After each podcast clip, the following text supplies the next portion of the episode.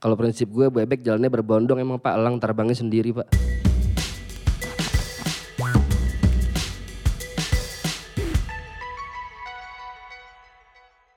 MLD Podcast kali ini ditemenin lagi sama Rio Wicaksono dan kali ini gue kedatangan seorang rapper yang udah merilis akhirnya album fullnya Yeay. dengan tema yang menurut gue juga keren banget. Ntar kita akan bahas lebih lanjut tentang albumnya tapi ngomong-ngomong selamat ya Pi. Amin. Terima AKA kasih. Tuan 13. Hehe, Terima kasih.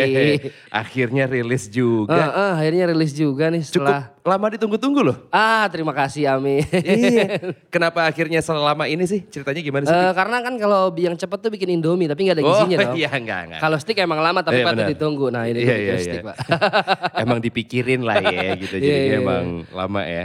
Tapi kalau misalkan lo boleh cerita gitu dari dari petualangan lo di scene hip hop gitu sampai Oke. akhirnya sekarang sudah rilis album Harimau Sumatera. Ah. Gimana? Ini berarti dari awal nih. Nggak apa-apa. Oke, Kita oke, tungguin semalam suntuk nih kayak wayang. gue tuh eh, awal nge-rap di 2010 2009 lah. ya. Terus akhirnya karena gue nggak tahu mau belajar sama siapa, waktu itu kolektif hip hop udah banyak banget. ya. Hampir kayak di Jakarta Selatan ada berapa, Barat jadi tapi- jadi gue sampai bingung gue mau nongkrong sama siapa karena kalau gue nongkrong sama yang A, yang B musuhin. Nongkrong sama B, C musuhin. Nah, repot nih hip hop gue bilang nih. Akhirnya gue lebih banyak nongkrongnya di studio band malah. Oke. Akhirnya malah jadi waktu itu ngebentuk band namanya RIP, Rebel Education Project, bikin band tapi tetap hip hop di 2012. Terus 2014 kita bikin album pertama Under the Majors. Cuma karena band gue itu hip hop, gue susah banget main di acara hip hop, Pak.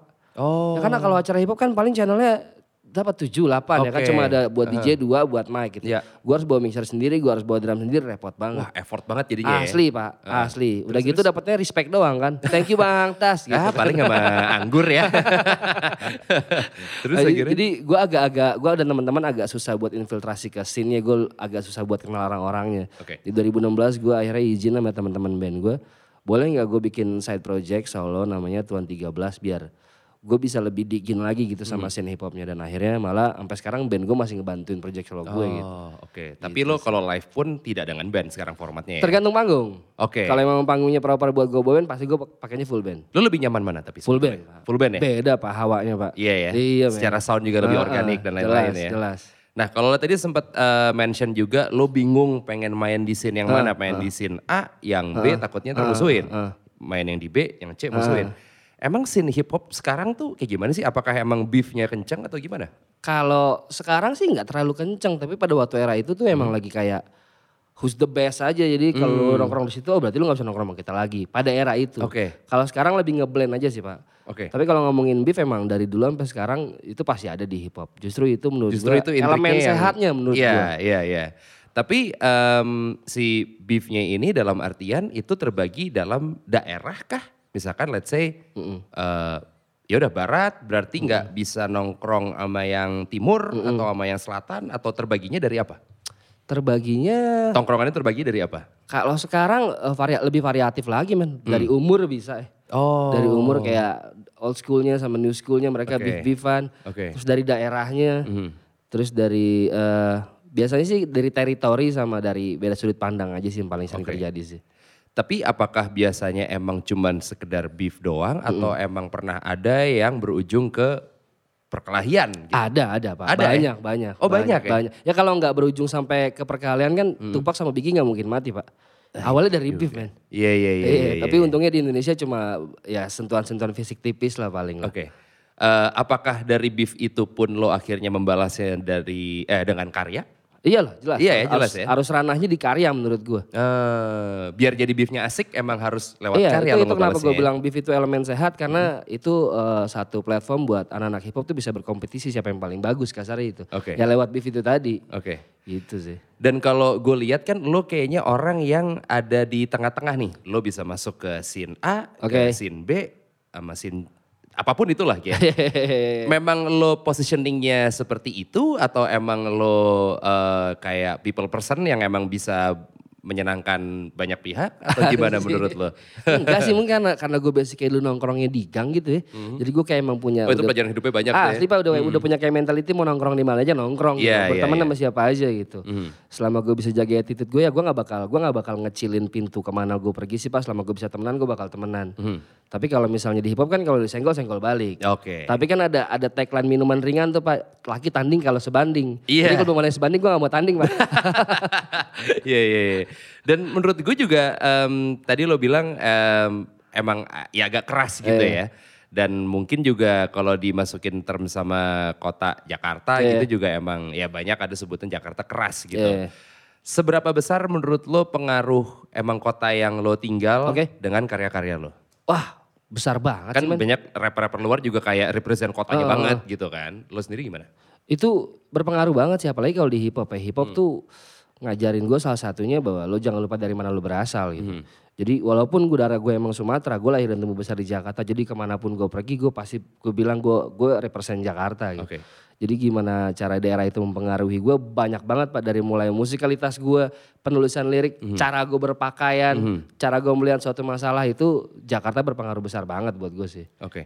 Tongkrongan lo ini juga eh, akhirnya yang berbuah menjadi label lo sekarang ya? Iya. West West Squad Ah, ya? ah. Nah eh, berarti pengaruh tongkrongan untuk membentuk karakter juga segitu besarnya? setuju gue pak Iya ya. Ah, setuju gue segitunya Dan si West West ini selain emang teman nongkrong juga menjadi teman kerja berarti. benar benar benar teman kerja banget Em, seberapa besar porsi Westwell ke eh, karya-karya lo? Apakah memang lo yang, ini gue punya karya, kita bikin bareng, atau emang lo karya dari lo sendiri, mereka ya cuman bantu memproduksi aja? Oke, Hmm. gua sampai di satu titik bahwa gue bisa bilang bahwa album Harimau Sumatera itu bukan album gue, Hmm. tapi album milik gue dan teman-teman bersama. Karena semua keringat teman-teman gue ada di situ. Lebih ke album kolektif nih ya? Iya, walaupun itu gue semua yang ngisi, tapi dari sudut pandang, dari tema, dari dari segi produksinya, dari segi promonya, teman-teman gue kerja semua di situ. Itu kenapa gue bisa bilang bahwa album Harimau Sumatera itu album kami bersama gitu. Oke.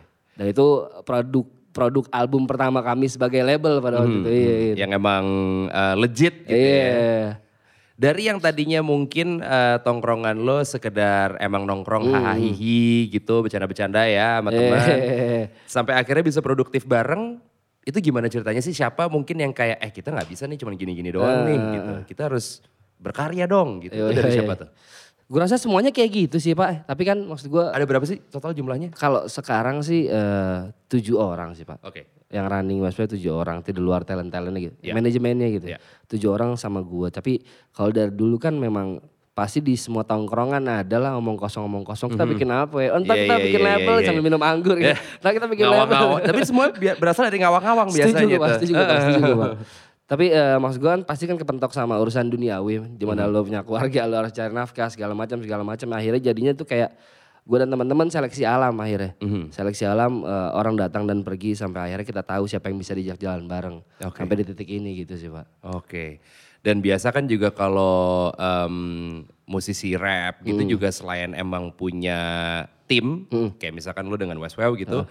Ada support sistemnya juga gitu. Entah mungkin emang krunya atau mungkin eh, entourage-nya Oke. gitu.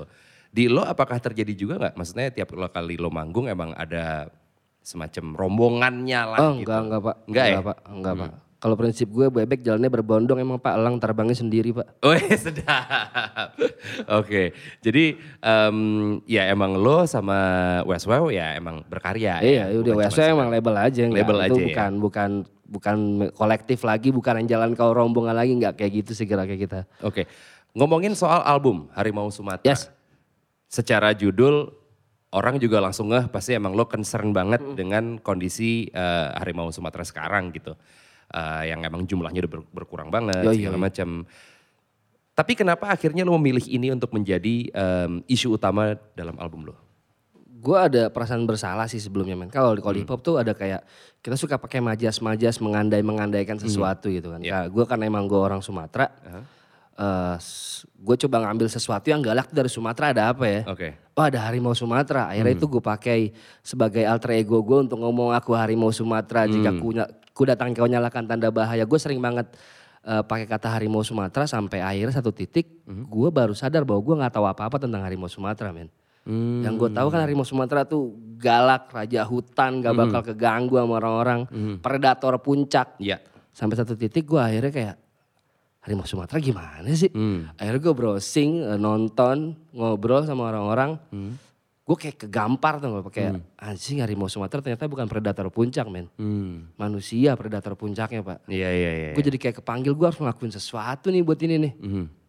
Udah akhirnya gue bikinlah satu lagu judulnya Less Roar emang yang eh, gue tujukan untuk meningkatkan eh, spreading awareness buat orang-orang bahwa isu harimau Sumatera ini harus kita perhatikan banget banget. Gue bikin lagu itu, tapi setelah gue bikin lagunya jadi gue kayak ini lagu kalau gue doang yang rilis, impactnya akan segini aja nih. Gue butuh dibantu sama teman-teman yang memang sudut pandangnya sama. Akhirnya gue coba nge-apply ke beberapa NGO dan alhamdulillah WWF nyaut. Oke. Gue datang ke kantornya dan kita setuju buat jalan bareng, bikin video klip bareng, bikin video klipnya langsung di habitat harimau Sumateranya di Rimbang Baling di Riau. Oke. Nah begitu itu rilis ya udah kayak gue pikir gue udah ngelakuin sesuatu buat harimau, gue pikir. Tapi pas gue datang ke hutan itu gue ketemu orang yang enam bulan patroli di hutan bersihin jerat pemburu. Ternyata gue belum ngelakuin apa-apa Pak, buat hutan dan harimau. Gitu ya. Keta- begitu ketemu mereka gue kayak anjing gue belum ngapa-ngapain. Masih jauh banget gitu ya. Jauh. nah itu yang bikin gue kayak gue harus terus ngasih tahu orang-orang isu ini sih. Oke. Karena menurut gue kalau kita menjaga harimau kita menjaga hutan men. Betul. Itu Oke. sih. Dan kalau lo melibatkan fans gitu ya, melibatkan eh, orang-orang yang menikmati karya lo dengan isu ini, apakah lo ada upaya gitu untuk misalkan lo menggalang dana Yes. sama fans lo untuk em, disumbangkan ke Harimau Sumatera gitu, udah ada atau belum sih? Udah men. Dan Udah ya? eh, alhamdulillah juga feedback yang mereka kasih positif banget.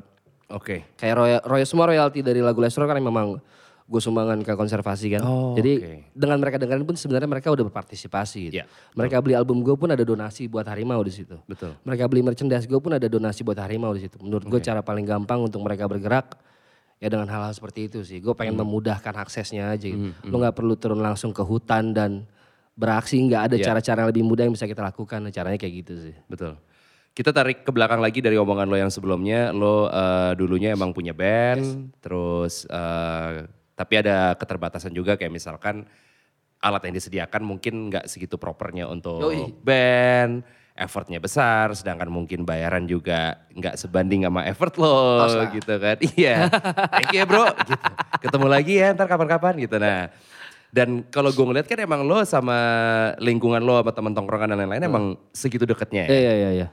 Kalau misalkan sekarang lo diajakin main di acara temen gitu, lo masih menyediakan waktu gak sih? Masih pak, masih, ya? banget, masih Walaupun banget. dibayarnya juga mungkin pro bono Iya, atau sikat gue men Sikat kalau ya? long itu temen gue sikat men. sikat ya. Pertimbangannya berarti apa? Maksud gue kalau misalkan ada orang yang mungkin lo juga dibilang akrab nggak akrab-akrab banget. Oke. Atau mungkin juga baru kenal gitu. Tapi dia minta lo main nih dengan embel-embel, tapi acara anak-anak nih bang. Gitu. Respon lo gimana? Maksud gue apakah? Respon gue yang pertama satu ngeliat kalender dulu. Kalau nggak ada kerjaan lain gue sikat. sikat. Yang kedua gue beneran lihat dulu nih lo event lo event anak-anak apa enggak. Beneran apa emang acara kolektif. Kolektif mana yang lo ajak datang.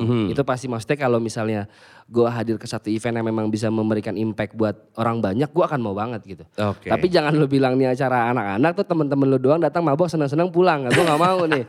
Mesti ada ujungnya ngapain Iya, nih iya, acara iya, lo buat iya. apa nih. Buat Ada siapa. objektifnya Iya gitu gue ya. gue mau banget. Concern gue lebih ke arah sana sih. Oke, tapi berarti dengan dengan lo eh, dengan kondisi lo sekarang, lo masih pengen main di acara teman-teman sih? Iya. ya. Iya ya harus men, harus men. Oke. Nah, kalau misalkan kita flashback lagi ke mungkin zaman lo SMP gitu, zaman-zaman lo era baru-baru beli album, baru-baru ya, ya. beli kaset atau CD segala macam. Apakah album pertama yang lo beli album hip hop? No, Apa? Flowers 17 tahun ke atas pak. Wah. Jadinya malah agak lebih ke psychedelic ya. itu emang lo beli album itu atas em, kemauan lo sendiri kan mungkin dulu biasanya Iya, iya. ada pengaruh dari eh, saudara atau Ah, mungkin kakak kalau lo ah. punya gitu atau mungkin siapa lo orang yang lebih tua gitu. Waktu itu lo gimana? Itu pokoknya pada waktu itu tuh gue SMP SMA tuh role model gue adalah abang gue. Apa pun yang dia dengar gue harus denger. Iya. Karena menurut gue ada tendensi gitu, gitu, iya. memang biasanya kalau Nah, misalkan ada kakak cowok-cowok ya. Kamar Ah. dia sebelah gue, dia baru beli album Flowers terus seminggu terus menerus didengar sampai akhirnya Hmm. gue hafal pak. Dan dia kok dikit- dikit-dikit pengen ketemu sama dokter terus ada kenapa sih? Pokoknya sampai gue hafal dan akhirnya begitu dia cabut, Eh. gue mau dengerin itu di tabnya dia. Tawan dia pulang digebukin dong gue pak. Wah Yang bener loh. Ini barang gue jangan lu ganggu gugat dong gitu. Oh. Udah akhirnya gue Jadi emang lo bener-bener ngidolain ya, bukan emang Yoi, bro ya? Yoi. Oh, Oke. Ya udah akhirnya gara-gara itu gue ah gue harus denger Flowers lagi nih gue beli kasetnya pak. Oke, Gua jadi beli- lo punya gue juga punya. Yoi, dan gitu. pada waktu itu tuh gue masih kecil banget tinggalnya daerah Roxy. Mm-mm.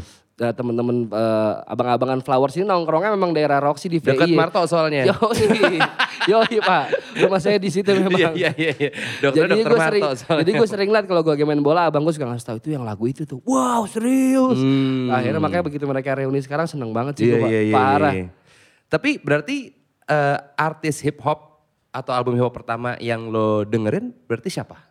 Kalau dengerin mungkin Eh, pesta yang rap. beli albumnya deh, yang beli albumnya deh. Kan mungkin kalau dulu kan album lo beli effort dong Iya, gitu. iya, iya, iya, iya, iya. Mungkin pas lo masih kecil lo harus nabung dulu. Iya, betul, betul, betul, betul. Jadi kayaknya harus yang lo emang suka banget baru lo beli gitu. Eh, ini pesta rap 2 pak. Pasar Rap 2 tuh yang Pesta mati lampu 2. ya? Iya, gue Oh. lagi ngambil nilai lari di Senayan. Pokoknya selama tiga minggu berturut-turut kita akan ngambil nilai lari itu. Di minggu kedua, gue ngelihat ada orang tanya gombrong, bajunya gombrong, pakai headband, jalannya pincang sebelah. Celana udah gitu. melorot Set, gitu yoi. juga yang udah di pantat ya pakainya ya. Begitu gue break lari tanya, hey mau beli kaset nggak? Apa? Woi. Rap. Woi, apaan nih bang di kaset covernya? Ya bang gue nggak bawa duit. Minggu depan lari lagi nggak? Gue di sini kata dia. Oh, gue beli itu pak akhirnya minggu depan. itu album hip hop pertama yang gue beli. Yang lo beli itu langsung Dari si ya? gombrong itu gue nggak tahu namanya siapa sampai sekarang. Berarti bahkan lo beli album itu kayak kucing dalam karung. Lo Yes. tahu nih Ah. artisnya siapa, Yoi, ini Pak. kompilasi apa. Pokoknya ada orang kayaknya gayanya keren, nawarin album, Yoi. beli aja deh gitu. Jangan gue pernah beli kaset itu pulp pak di sis hardcore. Gue pikir itu band hardcore. Hampir sama pulp ternyata. Sama sekali. Iya, belum ada internet pak. Gue gak bisa cari reviewnya. Gue liat cover gue beli. Orang yang eh, album pertamanya adalah Flowers, lo album hip hop pertamanya juga eh, Pesta Rap gitu, Yoi. maksudnya album lokal ya. Yoi. Terus lo juga beli Pulp This Is Hardcore, berarti bisa dibilang eh, musik juga lo cukup universal ya? ya harus sih pak. Iya ya, maksudnya Ah, eh, alhamdulillah lo sih banyak itu dengerin Iya. musik di luar Ah, hip hop ah, juga ya? Justru gue suka hip hopnya gara-gara gue dengerin hip metal dulu pak. Oh. gue cinta banget sama band namanya Korn. Mm-mm. Tuh tanda tangan gue di semua dokumen resmi KTP, buku nikah, paspor, Korn pak. Segitu cintanya gue untuk Nah mereka rilis album judulnya eh, di lagu ada Children of a Corn tuh fiturnya sama Ice Cube. Ya. Nah, gue udah dengerin pesta rap, tapi gue nggak begitu kayak, oh ya, oh hip hop kayak gini, rap kayak gini. Nah begitu dengerin lagunya Korn sama Ice Cube, gue kayak dapet, Ini apa nih? Yit, baru gitu kok ya. nge-rap bisa ada lagu kayak gini ya. Sampai akhirnya gue suka banget lagu itu, gue ngulik Ice Cube tuh siapa sih. Sampai gue dengerin albumnya, baru gue lari ke Tupac, Snoop Dogg, baru kena Baru lebih ke belakang lagi ya. Yoi, justru trigger gue suka sama hip hop tuh Korn dulu men. Oke. Iya. Kalau itu ngomongin yang old school. Kalau yang new school, maksud gue kan hip hop old school sama yang sekarang bisa dibilang beda banget ya. Beda banget, beda Secara musik dan lain-lain gitu. Em, mungkin kalau dulu banyak yang gangster rap segala macam. Kalau sekarang apa ya? Mungkin lebih ke ya nggak segangster itu Iya, gitu lah. iya. Maksud gue mungkin emang alurnya pun yang apa arahannya pun yang diambil juga emang bukan ke arah situ. Tapi menurut lo gimana sama hip hop yang new school sekarang? Eh sekarang tuh lu nggak bisa bilang hip hop tuh warnanya A pak. Hmm. Karena udah segitu variatifnya men. Oke. Jadi kalau Udah ngo- multi-genre banget Yoi, gitu ya. Kalau udah ngomongin uh, new school pun sekarang musik-musik soul kemarin datang lagi dengan nama neo soul gitu. Iya, Ya kan? Maksud gue jadi kayak ini sebenarnya rotasinya di situ-situ aja sih. Mhm. Jadi kalau ngomongin new school sekarang gue nggak bisa bilang musiknya jelek atau bagus karena itu segitu variatifnya. Banyak juga new school yang keren menurut gue gitu. Oke. Banyak juga uh, new school yang katro juga menurut gue. Di tiap era pun pasti selalu seperti Pasti, itu. Jadi tapi gue nikmatin banget sih kevariatifan ini jadinya gue juga jadi lebih banyak referensi buat musikalitas akhirnya. Oke. Ada mungkin artis new school yang lo eh, dengerin banget gitu? Kendrick, J. Cole, Joey Badass, Hmm. Logic. Hmm, Juga semuanya kayak masih banyak sentuhan old schoolnya juga Yoi, menurut yoi. gue ya. Eh, Emang Jadi kayak yang sekarang tapi dengan warna lama cuma dengan sound baru aja banyak juga yang nongol kayak gitu pak. oke. Tapi kalau yang kayak kalau kita ngomongin new school berarti mungkin maksud lo trap-trapan gitu kali ya. Mungkin. Oke Eh, kalau trap-trapan tuh siapa ya? Eh, lu giran kayak gini gue nggak bisa jawab lagi. Tapi kalau emang gak dengerin juga gak apa-apa. Dengerin pak, pasti pasti ya banyak yang bagus, Iya, pasti iya. banyak yang bagus. Heeh. Tapi memang nggak tahu, nggak kesebut aja. Iya, iya, iya, iya, iya. Oke, kita ngomongin lagi tentang album lo eh, Harimau Sumatera. Oke. Ini kan kayak em, ya tadi lo bilang lo emang berasal dari Sumatera, Yeah. lo pengen memberikan eh, semacam tribute untuk eh, hewan harimau Sumatera yang emang keberadaannya juga bisa dibilang terancam Yoi, gitu ya. yoi, Pak. Berarti apakah emang ini albumnya segitu personalnya buat lo? Maaf ya. Enggak apa-apa. Segitu. Kenapa lama? Karena memang gue eh, ngumpulin ceritanya sih. Berapa lama sih bikinnya, Pi? Gue bikinnya eh, 10 bulan kali ya. Oke. 10 bulan ya maksudnya mulai ngerjain gitu ya. ya. Kalau ngumpulin materinya udah setahunan. Oke. Tapi ngerjainnya 10 bulan. Jadi kayak emang kalau segitu personalnya gue rasa ini personal banget sih Pak nih kayak dari gue sih Pak. Semua sudut pandang gue tentang segala hal tuh gue tumpahin di sini. Gue rasa juga itu fungsinya album kali Pak ya. Iya, betul. Itu sih. Oke. Dan track-track lain gitu apakah memang semuanya bercerita tentang harimau No Sumatera? no no no no. Atau ada Yang memang yang lain? ngobrolin harimau Sumatera itu cuma ada dua lagu sebenarnya. Ada Move sama Last Roar. Oke. Sisanya memang cerita hidup gue aja gitu. Oke. Biasanya lo angkat tema-temanya seperti apa? Biasanya gue angkat tema-temanya gue suka banget bikin sesuatu yang bisa encourage orang lain sih Pak. Maksudnya gue diselamatin sama musik berkali-kali gitu. Ya. Gue pengen banget entah nyampe apa enggak gue pengen banget ngelakuin sesuatu yang sama gitu. Oke. Gue pengen ngasih orang eh, spirit baru lewat musik yang gue bikin. Gue pengennya aimnya ke arah sana sih. Tapi kita nggak bisa ninggalin tuh eh, elemen-elemen breaking dalam hip hopnya kita nggak bisa ninggalin. Jadi ya breakingnya ada juga, yang encourage orang ada juga. Cerita tentang sesuatu yang sedih juga pasti ada juga. Jadi memang variatif banget sih tema yang gue bahas di sini. Oke. Dan secara album juga emang ini sesuatu yang emang lo udah pikirin dari lama, lo udah kepengen pun dari lama juga dengan atas bantu eh, bantuan dari teman-teman khususnya dari West Wow. Baru akhirnya terjadilah gitu ya, akhirnya rilis gitu ya. Berarti kalau misalkan bisa dibilang kan emang lo em, sama West Wow sama em, tongkrongan lo gitu emang segitu eratnya gitu kan ya. Apa yang pengen kayak timbal balik yang pengen lo kasih ke mereka? Mungkin dari mereka juga ada yang pengen merilis album tapi belum ada kesempatannya. Oke. Atau emang secara waktu juga belum sempat gitu. Ada yang pengen lo kasih timbal balik ke tongkrongan gitu? Apa? Kalau ngomongin Westwell kan berarti kan eh, label ya. Kalau timbal baliknya sih semua roster kita sudah pasti punya timeline gitu dalam dua tahun ke depan ya. Ya tugas gue memang gue orang yang jagain kalendernya mereka. Lu udah tanggal segini udah bikin apa lo?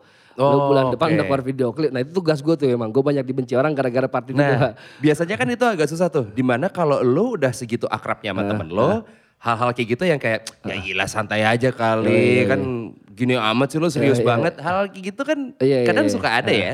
Lu kalau udah segitu akrab sama temen, kadang untuk diajak profesional, bukannya nggak mungkin, tapi ada hambatan-hambatan yang mungkin kalau lo nggak segitu kenalnya Oke. dia, nggak ada nih Oke. gitu. Nah kalau dari lo tadi gimana? Kalau gue dan nama anak-anak selalu pakai paham ini sih pak. Hitam di atas putih justru untuk menjaga pertemanan pak. Oh gitu, jadi Bukan karena gara-gara kita teman jangan pakai hitam di atas putih dong. Enggak, justru hitam di atas putih buat jaga pertemanan kita nih men. Oh. Gue pakai itu banget. Jadi Berarti sistemnya iya. profesional banget dong ya? Iya harus men. Oke. Jadi ya udah kalau mau mau ribet ya ini gimana urusannya Oh. gitu kan. Justru menurut gua dengan adanya kayak gitu jadi tahu job desk masing-masing dan akhirnya nggak keganggu masalah-masalah receh gitu temanannya gitu. Mhm. Memang udah jelas kerjaan lu ya itu gitu, kerjaan gue ini gitu. Kalau emang ada yang melenceng, tugas salah satu yang ngingetin. Yes. Pernah ada yang ini nggak? Slack internal gitu pernah ada nggak? Sering Pak, apalagi proses gue pembuatan album kemarin kan. Oh gitu. Eh, timeline-nya makin makin mepet gitu, gue belum kelar-kelar. Hmm, Sampai akhirnya nih udah tanggal berapa, Pi? Lu gimana? Aduh, gue bilang Eh. nih gojek berantem juga semua orang nih orang. Tapi pasti kan lo cuman sebel atau komplain sama dia Iya, secara iya, iya, profesional. iya, iya, iya. Secara pertemanan sih Iya, iya. fine-fine aja kan. Sebel dikit sih. itu kan yang kayaknya harus di bold, harus di garis bawahi kalau emang nih gua sama lo hubungannya lagi teman kerja nih. Teman nongkrong, setelah dari sini kita tetap teman nongkrong. Yoi. Tapi pernah ada yang kelewatan gitu yang sebetulnya sebelah sama lo dari segi profesional, dari segi kerjaan. Tapi ke bawah sampai nongkrong jadi yang males nongkrong mungkin sama lo, males Enggak sih Pak, gitu. alhamdulillah Pak. Nggak ada ya? Alhamdulillah enggak sih. Gue pengennya sama teman-teman eh, apa pun yang terjadi di situ kelarin di situ aja gitu Pak. Oh, Jadi kalau yang mau lagi manggung terus ada kendala teknis yang akhirnya bikin kita jadi slack, ya udah kelarin di situ. Kalau enggak jangan pulang loh. oke. Gitu sih pengennya kita sih. Oke. Kalau kita ngomongin lagi tentang eh, beef beef tadi gitu ya, em, lo cukup sering nggak mendapatkan beef dari orang lain? Kayak lo misalkan dicela apa, tapi lewat karya gitu? Alhamdulillah sih enggak Pak. Enggak eh? Enggak, cuma ada lah kembalian-kembalian parkir yang bikin track aneh-aneh tapi jelek gitu. ada gitu. Tapi kalau maksudnya beef, receh-receh beef, gitu ya. beef, beef yang serius gitu belum ada sih. Belum ada? Iya. Lo pun Gue juga orangnya bukan- baik sih pak. Iya, lo Heeh. kebaikan kayaknya. Dan lo pun juga kayaknya nggak akan mulai duluan ya? Iya pak.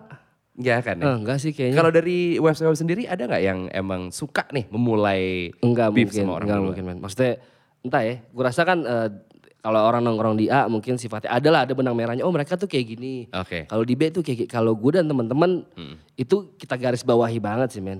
Iya attitude di atas segalanya gitu. Kalau Oke. skill lu bisa belajar. Hmm. Tapi attitude pak udah kalau lu attitude lu nggak bener lu nggak lu mau sekeren apa pun nggak nggak bakal jalan gitu. Iya, iya, itu iya. gue sama teman-teman pegang banget sih. Oke. Lo kan juga banyak collabnya misalkan lo sama Gardu House gitu Iya, iya, yang uh, base-nya graffiti walaupun hip hop sama graffiti juga Yoi, yoi. erat banget gitu kan. Sama High Therapy juga yang dub, reggae segala macam. Kalau ini mungkin agak sedikit melebar dari hip hop gitu ya. Ada siapa-siapa lagi mungkin yang emang lo udah ada masuk di list yang pengen lo ajak collab gitu yang belum kejadian sekarang Pi? Kalau nih pengen nih gue nih apa yang lagi dikerjain. Heeh. Yang lagi dikerjain dulu sama yang lo pengen deh. Oh, yang lagi dikerjain tuh ada Divide dari Jakarta juga, ada NTRL. Mudah-mudahan cepat beres. Oke. Heeh, terus sisanya dari beberapa teman hip hop sih. Tapi kalau yang gue pengen, gue pengen banget sama Yohan Fals pak. Oh gitu ya? Waduh, itu kalau itu kejadian mimisan sih gue terus pingsan. Lo segen gak kalau misalnya nih ya ada kesempatan lo ketemu dia dalam satu tempat gitu. Oke, Lo akan berani gak untuk ngajak ngobrol dia duluan dan om kita collab yuk. Gitu. jelas gue diam begini pasti. Kayaknya segen nih. Auranya beda pak. Iya, benar, benar, Dia, gue pengen banget sama dia sama kakak Sleng udah itu sih. Ah. Iya. Tapi kayaknya kalau menurut gua mungkin kalau kakak Sleng masih reachable lah Iya, gitu. iya, iya. Kayaknya masih bisa lo jangkau gitu ya. Tapi kalau Iwan Fals. Namanya juga manusia setengah dewa men. Ih, hampir lupa gue. Kalau sama label luar gitu, maksud gue kan sekarang kayaknya jalannya udah cukup terbuka ya dengan adanya internet, social media dan Yoi. lain-lain gitu. Lo pernah ada approach untuk kerjasama sama mungkin label atau artis luar gitu gak sih? Pernah ada approach ke Eh, situ nggak? enggak sih, tapi kalau misalnya ngomongin labelnya, sekarang lagi banyak eh, label-label skala internasional, Asia khususnya. Lagi mau mulai masuk ke Indonesia nih Pak. Oh, Ya kayak ITI Rising nanti tahun depan buka kantor. Terus ada Def Jam, Southeast Asia.